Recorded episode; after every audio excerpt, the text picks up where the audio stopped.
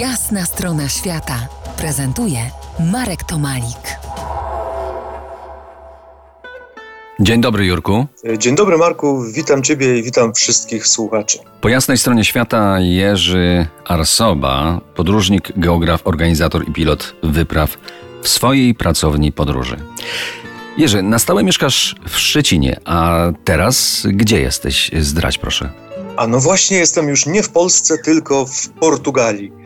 I to od y, całkiem dobrych kilku miesięcy.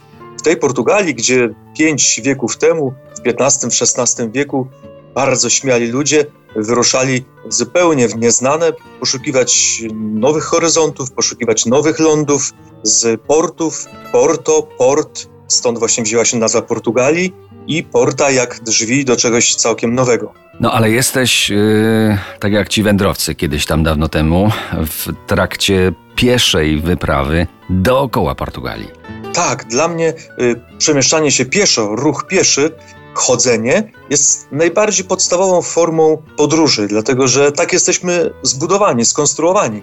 Y, jesteśmy po prostu urodzeni i zbudowani do chodzenia, a nie do jeżdżenia to właśnie chodzenie jest motywem przewodnim mojej podróży obecnej. Wyprawę rozpocząłeś 17 października zeszłego roku w Porto właśnie. Okrążasz pieszo Portugalię wzdłuż jej granic zgodnie z ruchem wskazówek zegara. Ile masz już Portugalii w nogach?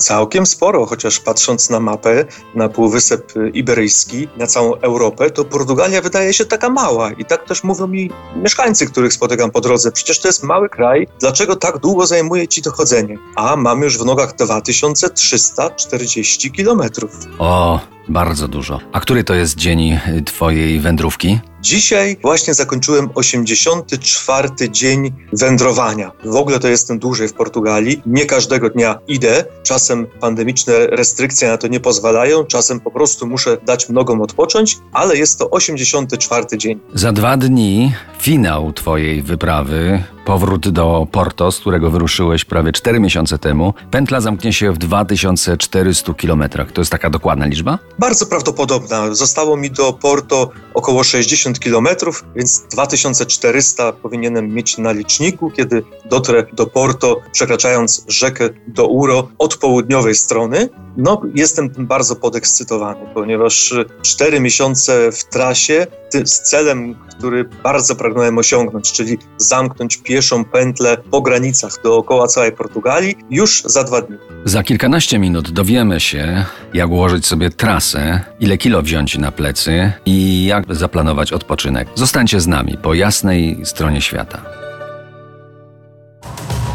To jest jasna strona świata w RMS Classic.